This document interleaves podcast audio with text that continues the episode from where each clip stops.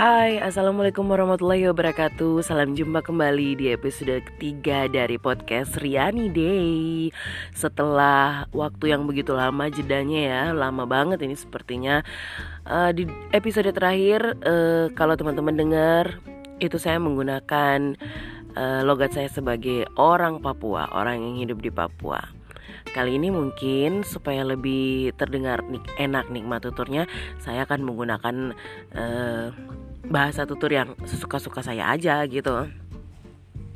Jadi kalau misalnya teman-teman uh, merasa bahwa perubahan nadanya ada, uh, abaikan aja ya. Di episode ketiga kali ini saya ingin membahas tentang kufur nikmat dari satu perspektif yang saya tangkap sendiri uh, ketika saya melihat dua buah kasus ya kita angkat saja dua buah kasus jadi gini yang pertama uh, beberapa hari yang lalu saya punya teman itu seorang sahabat ya.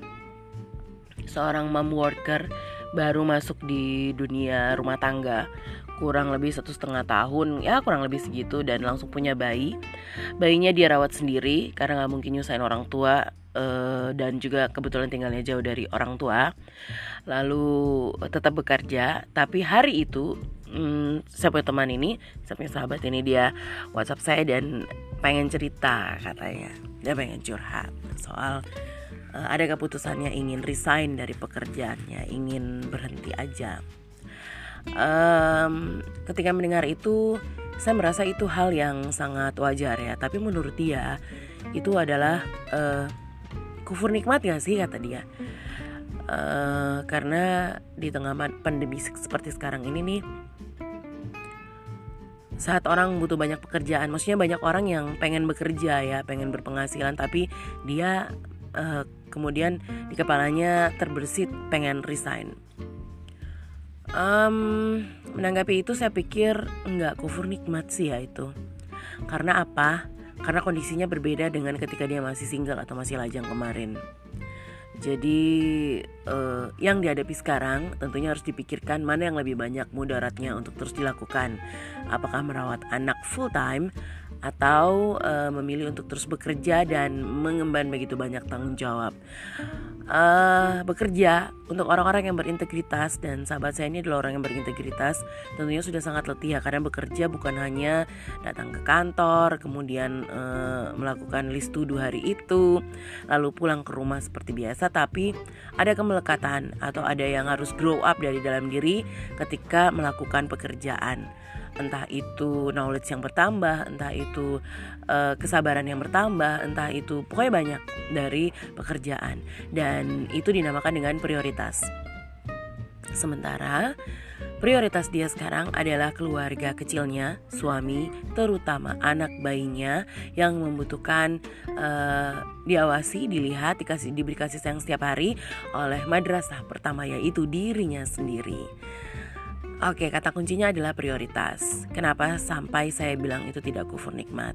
Jadi saya meminta dia untuk uh, memikirkan banyak mudarat atau manfaatnya dari dua pilihan tersebut dan yang terpenting adalah um, meminta izin atau berbicara ber, mengkomunikasikan mengomunikasikannya dengan suami sebagai kepala rumah tangga apa penting gak sih kalau misalnya uh, ini pekerjaan harus ditinggal dan jadi full time mom aja di rumah karena selama ini uh, beliau ini sambil kerja seharian bawa anak juga kan jadinya kayak setengah-setengah gitu ya uh, dan begitulah bagi saya kasus ini bukan sebuah kufur nikmat karena ada prioritas yang harus diutamakan.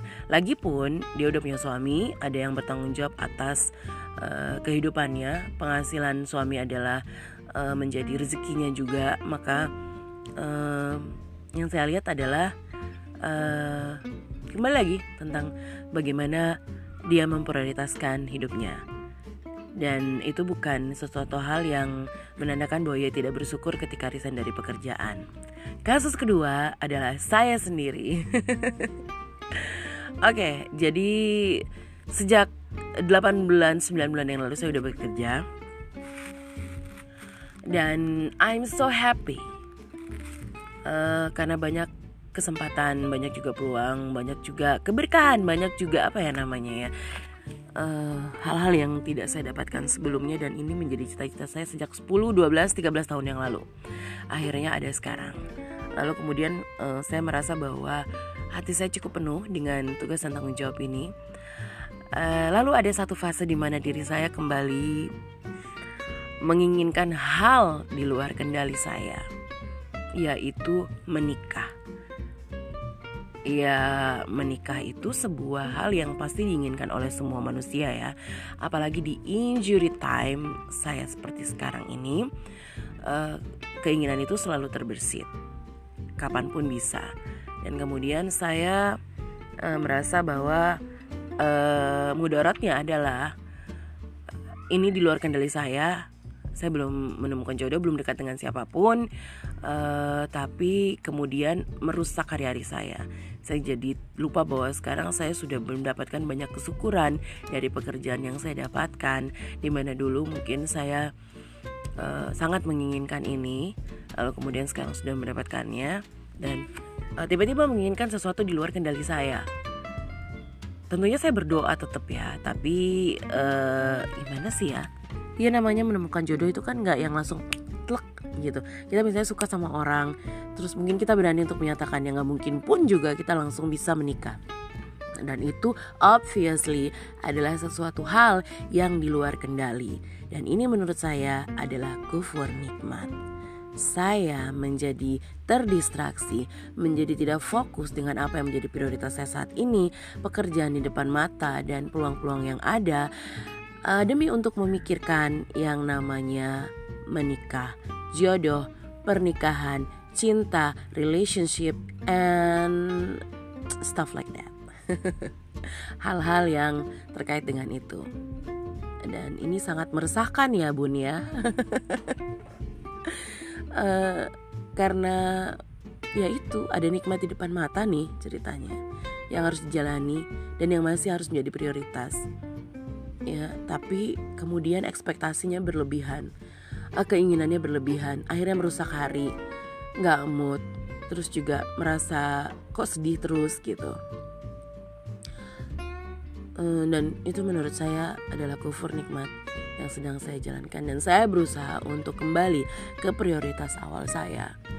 Hmm, di mana saya harus menikmati apa yang menjadi prioritas saya saat ini menggapai cita-cita uh, kalaupun mungkin dalam perjalanannya akhirnya saya menemukan jodoh menemukan seorang yang bisa uh, menjadi partner dunia akhirat itu adalah bonus yang sangat besar. Dan anyways sampai hari ini sampai ketika saya berbicara ini masih terus saya upayakan untuk uh, fokus pada prioritas dan menjadi tidak kufur nikmat. Mohon doanya juga teman-teman. Semoga saya dan sahabat saya tadi bisa menemukan hal yang uh, menjadi hikmah dari apa yang kami rasakan saat ini.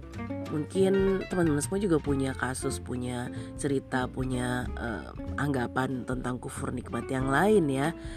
Uh, tapi untuk saya pribadi cukup dua itu yang menggambarkan karena kadang-kadang memang situasi kita bisa kufur nikmat itu dari uh, situasi yang kita hadapi saat ini. But anyways, mungkin ada yang sedikit keganggu dengan suara saya yang cukup ngebas atau serak hari ini uh, karena saya sedikit radang ya, jadi mungkin suaranya agak berubah tapi ke depannya saya pengen tetap bisa berbagi apa pun yang saya rasakan melalui podcast ini. Terima kasih dan mohon maaf kalau banyak hal yang mungkin tidak sepakat, tidak disepakati oleh teman-teman sekalian. Teman-teman bisa uh, mungkin mikirin lagi ya bener apa enggaknya karena ini juga podcastnya judulnya bukan setuju apa enggak tapi hanya lebih kepada apa yang saya rasakan terhadap kasus-kasus yang saya hadapi uh, atau problem yang saya hadapi saat ini. Terima kasih sekali lagi.